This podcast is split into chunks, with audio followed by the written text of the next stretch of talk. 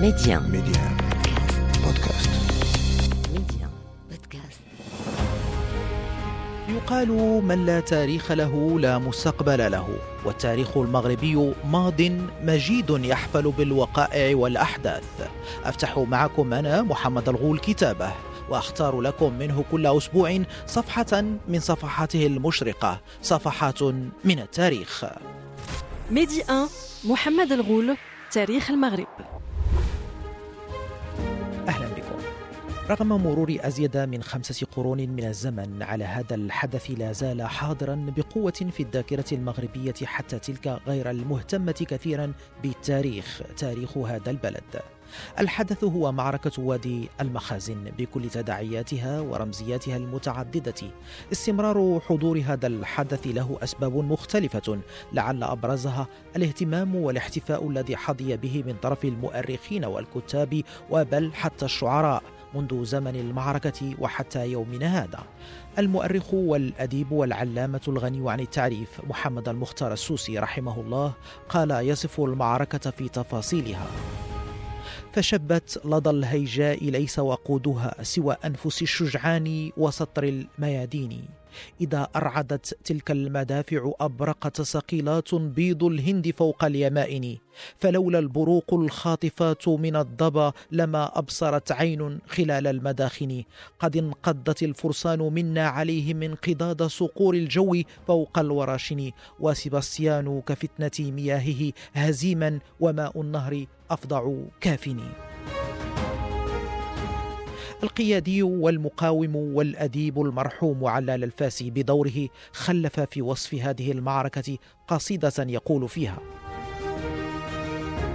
بفضلكم أبطال وادي المخازن يردد فينا اليوم صوت المآدن ولولا جهاد منكم بعزيمة وتضحية كبرى بيوم السواكن وما جئتموه من ثبات وحكمة وما بان فيكم من عظيم التضامن لأضحت بلادي طعمة لعدوها كأندلس أخت الأسى والتغابن وكانت بلادي قد أصيب بنكسة نتيجة خلف دائم وتطاحن. المؤرخ شهاب الدين أبو العباس أحمد بن خالد بن محمد الناصري الدرعي الجعفري السلاوي وصف جزءا من أحداث المعركة في كتابه الاستقصاء لأخبار دول المغرب الأقصى فقال لما التقت الفئتان وزحف الناس بعضهم إلى بعض وحمي الوطيس واسود الجو بنقع الجياد ودخان المدافع وقامت الحرب على ساق توفي السلطان أبو مروان رحمه الله عند الصدمة الأولى. وكان مريضا يقاد به في محفة فكان من قضاء الله السابق ولطفه السابغ أنه لم يطلع على وفاته أحد إلا حاجبه ومولاه رضوان العلج. فإنه كتم موته وصار يختلف يختلف إلى الأجناد ويقول السلطان يأمر فلانا أن يذهب إلى موضع كذا وفلانا يلزم الراية وفلان يتقدم وفلانا يتأخر. بطبيعة الحال هذا الاهتمام ليس وليد فراغ. فهذه المعركة معركة وادي المخازن يمكن تصنيفها بمعايير ذلك الزمن حربا عالمية صغرى شاركت فيها بشكل مباشر وغير مباشر القوى الدولية الكبرى في ذلك الزمن. وكان لنتائجها تداعيات دولية غيرت الكثير من موازين القوى العالمية. الانتصار المغربي التاريخي منح المغرب شوكة ومهابة جن جنبته الأطماع الدولية الإسبانية والإنجليزية والعثمانية على الخصوص فيما أدت بشكل مباشر إلى نهاية الإمبراطورية البرتغالية وفقد البرتغال استقلاله لفائدة جارته إسبانيا. ولعظمة هذا الانتصار خصه اليهود المغاربة بيوم للاحتفال حيث يعتبرون الانتصار المغربي معجزة جنبتهم مطاردة محاكم التفتيش الكاثوليكية حيث يحتفلون بالمعركة في اليوم الثاني من بداية شهر شتنبر تحت اسم بوريم سيباستيانو. هذا الاحتفال الذي نقله معهم اليهود المغاربة إلى مناطق العالم التي انتشروا بها. كثيرة هي التطورات التي كانت تعيش على وقعها منطقة غرب إفريقيا وكل منطقة البحر المتوسط وخاصة توسع الصراع الإسلامي المسيحي ليشمل كل ضفاف المتوسط خاصة بعد طرد المسلمين من الأندلس حيث اتخذ كل من الإسبان والبرتغاليين سياسة هجومية تجاه الممالك الإسلامية لمنعها من محاولة العودة إلى الضفة الإيبيرية. وكانت أغلب هذه الهجمات من نصيب الشواطئ المغربية الشمالية خاصة فيما توسع الصراع متوسطيا مع صعود قوة العثمانيين وتطور قوة الممالك المدن الإيطالية. في هذا الخضم كان الوضع السياسي في المغرب عقب ضعف الأسرة الوطاسية في حالة سيئة ما ساعد الممالك الإيبيرية على احتلال عدد من الثغور المغربية. الأمر الذي ساهم في صعود الأسرة السعدية إلى السلطة مدفوعة برغبة عامة في عموم المغرب لمقاومة الاستعمار وهو ما كان حيث تمكن السلاطين السعديون من استعادة عدد من الثغور كما تمكنوا بصرامة من وضع حد للأطماع العثمانية بعد مناوشات عسكرية وكر وفر مع الاحتفاظ معهم بعلاقات تعاون في مواجهة القوات الأوروبية. لكن الحكم السعدي سيعرف بعد التضعضع مع تولي المتوكل السلطة العام 74 500 وألف للميلاد. خاصة أنه تسبب في سخط داخل أسرته وعموم المغرب وخاصة أعمامه لقيامه بمهادنة الممالك الإيبيرية لينقلبوا عليه بقيادة عبد الملك السعدي الذي دخل العاصمة فاس العام 1576 للميلاد. ففر المتوكل بما تبقى من قواته شمالا وأرسل طالبا الدعم من حليفه الملك البرتغالي دون سيباستيان الذي قبل بمساندته لاستعادة ملكه في مقابل تسليمه عددا من الثغور المغربية وكان أولها كدفعة أولى ثغر مدينة أصيلة الذي سلمه المتوكل لهم على طبق من ذهب. هذا الثغر الذي كان وجهة الأسطول البرتغالي الأقوى عالميا آنذاك لتكون هذه أولى بوادر المعركة معركة وادي المخازن والتي وقعت بالضبط على ضفاف الوادي الذي تسمت باسمه وادي المخازن الذي هو أحد روافد نهر اللوكوس.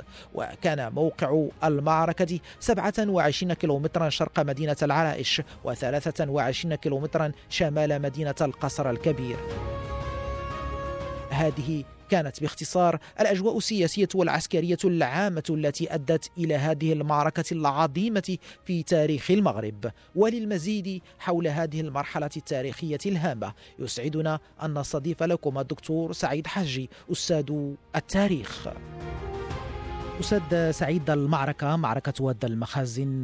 سبقها تراكم عدد من الأسباب السياسية الداخلية والخارجية ومجموعة من الظروف أدت إلى إنضاج آه، السياقات العامة لهذه المعركة. آه، ما هي الظروف العامة لهذه المعركة أستاذ سعيد؟ شكرا آه، لإذاعة المذيعة على هذه الاستضافة. في البداية يجب التأكيد على أن هذه المعركة هي أحد المعارك الفاصلة في التاريخ العالمي وليس فقط في التاريخ المحلي لأن معركة واد المخازن خلفت مجموعة من التداعيات التي سنأتي على ذكرها والتي كانت سببا في تحولات مهمة جدا على مستوى توازن القوى الدولية. هذه المعركة التي جرت يوم 4 أغسطس سنة 1578 في منطقة واد المخازن بالقرب من مدينة القصر الكبير هي معركة جرت في سياق يتميز بالعديد من التحولات على المستوى السياسي أو الاقتصادي أو الاجتماعي في المغرب. حتى العسكري عندما نتحدث عن تلك المرحلة مرحلة القرن السادس عشر فهي مرحلة الصراع القوي بين الإمبراطورية الاستعمارية في مرحلة الاكتشافات الجغرافية خصوصا بين إسبانيا والبرتغال اللتان كانتا تقودا حركة استكشافات جغرافية واسعة في العالم. ننتج عنها الوصول إلى مناطق في أمريكا الجنوبية وفي القارة الأمريكية بشكل عام. وأيضا السيطرة على مجموعة من السواحل الإفريقية. وكذلك وجود الإمبراطورية العثمانية التي كانت أقوى إمبراطورية إسلامية في تلك المرحلة. والصراع كان على أشده حول منطقة حوض البحر الأبيض المتوسط نظرا لأن هذه المنطقة كانت هي منطقة الثقل التجاري في العالم. وبالتالي هذه القوى كانت تتصارع من أجل بسط نفوذها على هذه المنطقة. الإمبراطورية العثمانية التي بلغت أوج امتدادها في تلك الفترة خصوصا في عهد السلطان سليمان القانوني كانت تسيطر على آه، البحر الأبيض المتوسط وبالتالي تتحكم في التجارة الطرق التجارية البحرية. آه، إسبانيا والبرتغال اللتان كانتا تحاولان تجاوز الوساطة العثمانية المتوسطية بين المغرب والقارة الأوروبية. يعني كانت أيضا تسعيان لبسط سيطرتهما على هذه المنطقة من أجل الوصول إلى السواحل آه، آه، الإفريقية الغربية على الخصوص للتزود يعني بما تحتاجه من مواد أولية والعبيد إلى غير ذلك. فالمغرب بحكم موقعه الجغرافي وبحكم عدم تبعيته للإمبراطورية العثمانية وجد نفسه في هذا الأتون أتون الصراع بين هذه القوى الكبرى. فلذلك هذا السياق هو الذي جعل من هذه المعركة معركة مفصلية في التاريخ الكوني. لماذا؟ لأن يعني المغرب كان يعتبر بلدا غير خاضع للإمبراطورية العثمانية، الإمبراطورية العثمانية يعني ترى فيه يعني امتدادا لها وإن كان ليس عبر خضوعه لنفوذها السياسي. البرتغال وإسبانيا ترى فيه ذلك تلك النقطة الاستراتيجية كما قلت من أجل تحقيق أهدافها. والمغرب في نفس الوقت كان يعرف اوضاعا داخلية مضطربة. نتحدث هنا عن تداعيات الحكم الوطاسي الذي كان حكما متذبذبا و آه، يعني الاضطرابات الداخلية الكثيرة. آه، المجموعة من النقط الساحليه ومن الثور المغربية كانت خاضعة على الخصوص للبرتغال آه، يعني سياق المعركة لا سياسيا ولا اقتصاديا ولا عسكريا لم يكن يعني في صالح المغرب وهذا ما جعل من انتصاره في نهاية المطاف. يعني مفاجأة يعني لم تكن تخطر على بال كل تلك القوى التي كانت تهيمن على الساحة الكونية آنذاك. أستاذ سعيد إشارة إلى كل هذا القوى التي كانت مهيمنة آه، والتي ربما مجموعة من منها من هذه القوى كانت آه، يعني تضع عينها على المغرب. يمكن الاعتبار بأن هذه المرحلة كانت مرحلة آه، استباقية للاستعمار الذي شهدته المنطقة. لكن هناك من المؤرخين من يعتبر بأن ما وقع أو هذه المعركة استمرار للحملة الصليبية فالملك الإسباني سيباستيان استعان بالبابا في روما. هناك من يعتبر بأنها كانت آه، شبه حملة صليبية على المغرب أستاذ سعيد. فعلا لأن لأن الدوافع والدوافع المحركة لكل الحملات الاستعمارية التي كان يقوم بها البرتغاليون والإسبان كانت هي دوافع دينية لأنهم كانوا يعتبرون أن أن هذه الاكتشافات والحملات هي من أجل تعزيز حضور الديانة المسيحية والدليل أن كل هذه الحملات كانت تتم بمباركة البابوية. البابوية كان لها دور كبير جدا. حتى أنه استعد ربما كان هناك جزء كبير من المتطوعين الذين أتوا مع الملك سيباستيان كانوا مرسلين من طرف الكنيسة في روما. فعلا لأن أول ما قام به سيباستيان عندما أراد أن ينظم حملته على المغرب كان هو اللجوء إلى البابوية وطلب المساعدة بالمال والمرتزقة ويعني الدعم. لأن البابا يعني كان كما قلت كان له نفوذ كبير وبدليل أنه إذا عدنا إلى سنة 1000 أو قبل ذلك قبل المعركة سنة 1494 ف آه، بعض الصراعات التي نشبت بين إسبانيا والبرتغال حول تقسيم النفوذ نفوذ المناطق المكتشفة تم حلها عبر توقيع معاهدة تورديسيلاس سنة 1494 التي قسمت يعني مناطق الاكتشافات بين إسبانيا والبرتغال وهذه المعاهدة كانت برعاية البابا. وهذا كما قلت يعطينا فكرة عن آه، يعني دور البابوية في كل هذه الأحداث. الحملة حملة هي حملة صليبية. هي يمكن أن نقول امتداد لما وقع في الأندلس بعد سقوط آخر إمارة سنة 1492 وأيضا حملة صليبية نظرا لأن عمليات الجهاد البحري كانت تنطلق من المغرب خصوصا من طرف الذين طردوا من الأندلس. وبالتالي يمكن أن نقول بأنها كانت امتدادا الحرب الصليبية وامتداد و... ربما كذلك أستاذ سعيد للصراع الذي كانت تشهده المملكتين اللتين كانت تقتسمان لشبه الجزيره الايبيريه آه، إسبانيا والبرتغال. نعم نعم. والمفارقة هو أنه في هذه الفترة كانت آه، يعني البرتغال يعني أقوى من من إسبانيا على مستوى مناطق النفوذ وغير ذلك لكن كما قلت من أهم تداعيات معركة ازود المخازن أن هذا الميزان سيختل لصالح الاسبان الذين يضمون البرتغال أو يحتلونها بشكل أو بآخر. نعم نعم بشكل اخر خصوصا عبر العلاقة العائلية التي كانت موجودة بين حاكمي البلدين. اذا كما ذكرت فعلا محمد بأن هذه المسألة مسألة الخلفيات الدينية كانت حاضرة بقوة. أستاذ سعيد معركة واد المخازن من الناحية العسكرية ربما تعد درسا عسكريا بليغا باعتبار العتاد والجيوش والجهات المتدخلة من ناحية الحديث عن العتاد ربما استعمال المدفعية ما هي التفاصيل الموثقة تاريخيا في هذا الإطار أستاذ سعيد؟ هو فعلا إذا أردنا أن ننظر إلى المعركة من حيث التكتيك العسكري والتخطيط يجب أن ننطلق اولا من ذلك الفخ الذكي الذي نصبه آه، عبد الملك السعدي لدون سيباستيان ملك البرتغال هذه جزئية مهمة جدا ومحددة لماذا؟ لأن القوات البرتغالية نزلت في بداية الأمر في ميناء أصيلة وعبد الملك السعدي جمع الجيوش من الجنوب وانطلق من مراكش حتى وصل إلى منطقة واد المخازن بالقرب من مدينة القصر الكبير ويعني هناك عمد إلى حيلة ذكية وهو انه وجه رسالة إلى آه، دون سيباستيان يعني يستفزه فيها ويحثه فيها على أن يدخل قليلا إلى المناطق الداخلية إلى سهل والمخازن حيث خاطبه بكونه إذا كانت له الشجاعة فليتقدم قليلا وقال له ما مضمونه أنه انني قطعت حوالي 700 كيلومتر من مراكش إلى هنا وأنت لم تستطع يعني أن تتقدم إلي مرحلة واحدة. هذا كان عبد الملك يخاطب دون سيباستيان. الهدف من هذا الاستفزاز أو الاستدراج كان هو جره إلى المنطقة الداخلية حيث هناك حتى العنصر الجغرافي كان في صالح الجيش المغربي. اذا تقدم دون سيباستيان الذي كان معروفا يعني بجرأته وشجاعته و كان أيضا مدعوما بمحمد المتوكل ابن أخ الملك عبد الملك السعدي. فتقدم وكان هذا هو الفخ الأول الذي وقع فيه دون سيباستيان. لماذا؟ لأن حسب المؤرخين يتحدثون على أن كان اليوم يوما حارا غشت سنة 1578 المنطقة لم تكن بها أشجار يعني لم تكن بها ما يحتمي به البرتغاليون من الحرارة المفرطة في تلك المرحلة.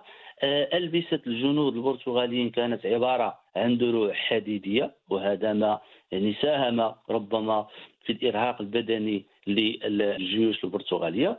هذا من حيث مثلا المعطيات مفسرة للتراجع من زاوية الجيش البرتغالي. أما من حيث القوات المغربية في تلك المرحلة فيمكن الحديث هنا. أولا عن الحشود التي كانت حاضرة في تلك المعركة. ثانيا المساهمة العثمانية وهذا ما لا يذكره يعني ما تذكره العديد من الكتابات وهي عبر المدفعية وحتى عبر بعض الفرق العسكرية التي كانت موجودة. الجيش المغربي كان آه، يتوفر على حوالي 40 ألف آه، مقاتل. الجيش البرتغالي حسب التقديرات كان يتوفر على 28 ألف مقاتل إضافة إلى حوالي 500 فارس التي دعم بها محمد المتوكل آه، آه، البرتغاليين في إطار محاولته استعادة الحكم من عبد الملك السعدي. وهذه المسألة يجب أن ننتبه إليها لأن يعني الأرقام غير مضبوطة في الحقيقة. يعني هناك من يتحدث عن أرقام أخرى لكن على العموم كانت الجيش المغربي كان يستعمل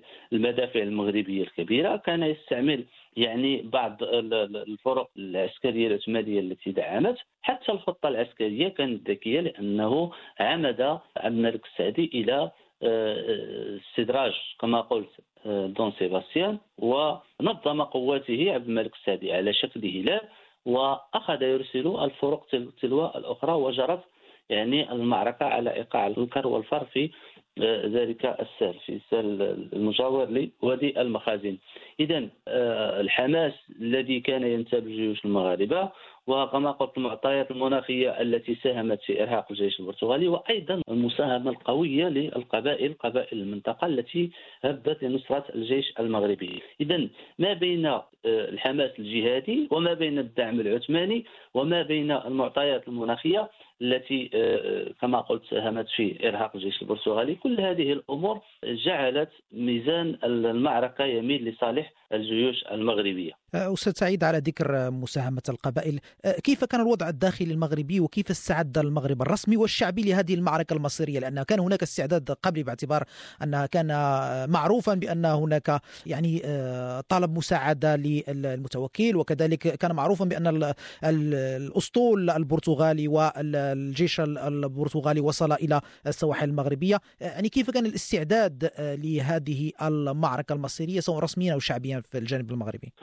نعم هو هو عندما لجأ محمد المتوكل بسبب صراع حول الحكم مع الملك السعدي عندما لجأ إلى طنجة التي كانت تحت الاحتلال البرتغالي وطلب مساعدة محمد المتوكل يعني يمكن بأن نقول بأن هذه الخطوة كانت بمثابة آه، عنصر التعبئة الرئيسي الذي اعتمد عليه الملك الملك عبد الملك السعدي من أجل تعبئة القبائل و يعني آه، إثارة غيرتها على الإسلام وبلاد الإسلام إلى غير ذلك ومقاومة المد الصليبي.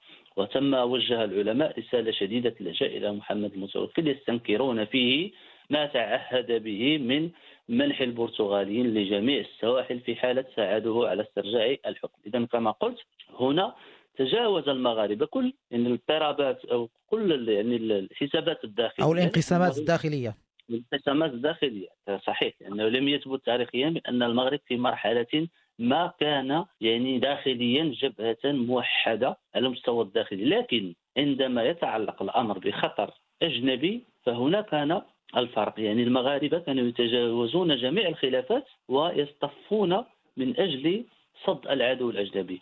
وهذا ما حدث بالضبط في معركة وادي المخازن إذ أن كل القبائل تجاوزت خلافاتها وظهر لها أن الأولوية الآن هي أو في تلك المرحلة هي صد العدوان البرتغالي خصوصا وأن عبد الملك السعدي كان ذكيا عندما أثار انتباه هذه القبائل وإلى ما فعله محمد المتوكل و يعني آه، لعب بذكاء على حبل الدين ويعني آه، الوحدة إلى غير ذلك. وهذه خاصية تميز المغاربة تاريخيا. كما قلت اذا إذا كان هناك من درس يمكن أن نستفيده هو أن المغرب عندما كان الأمر يتعلق بأي يعني عدوان خارجي فكان المغاربة يتجاوزون تلك الخلافات الداخلية ويعني يعطون الأولوية لحماية البلد من العدوان الخارجي. ثم فيما بعد يعني قد تعود الأمور إلى ما كانت عليه، لكن على هذا المستوى يتوحد المغاربة. الدكتور سعيد حاجي الأستاذ والباحث في التاريخ بجامعة سيدي محمد بن عبد الله بفاس،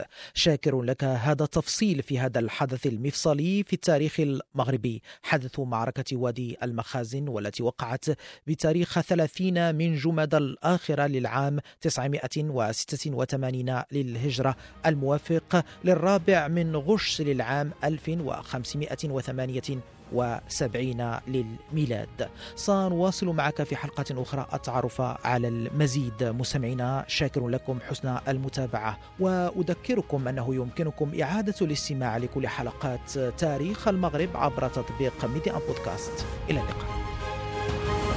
ميدي أن محمد الغول تاريخ المغرب.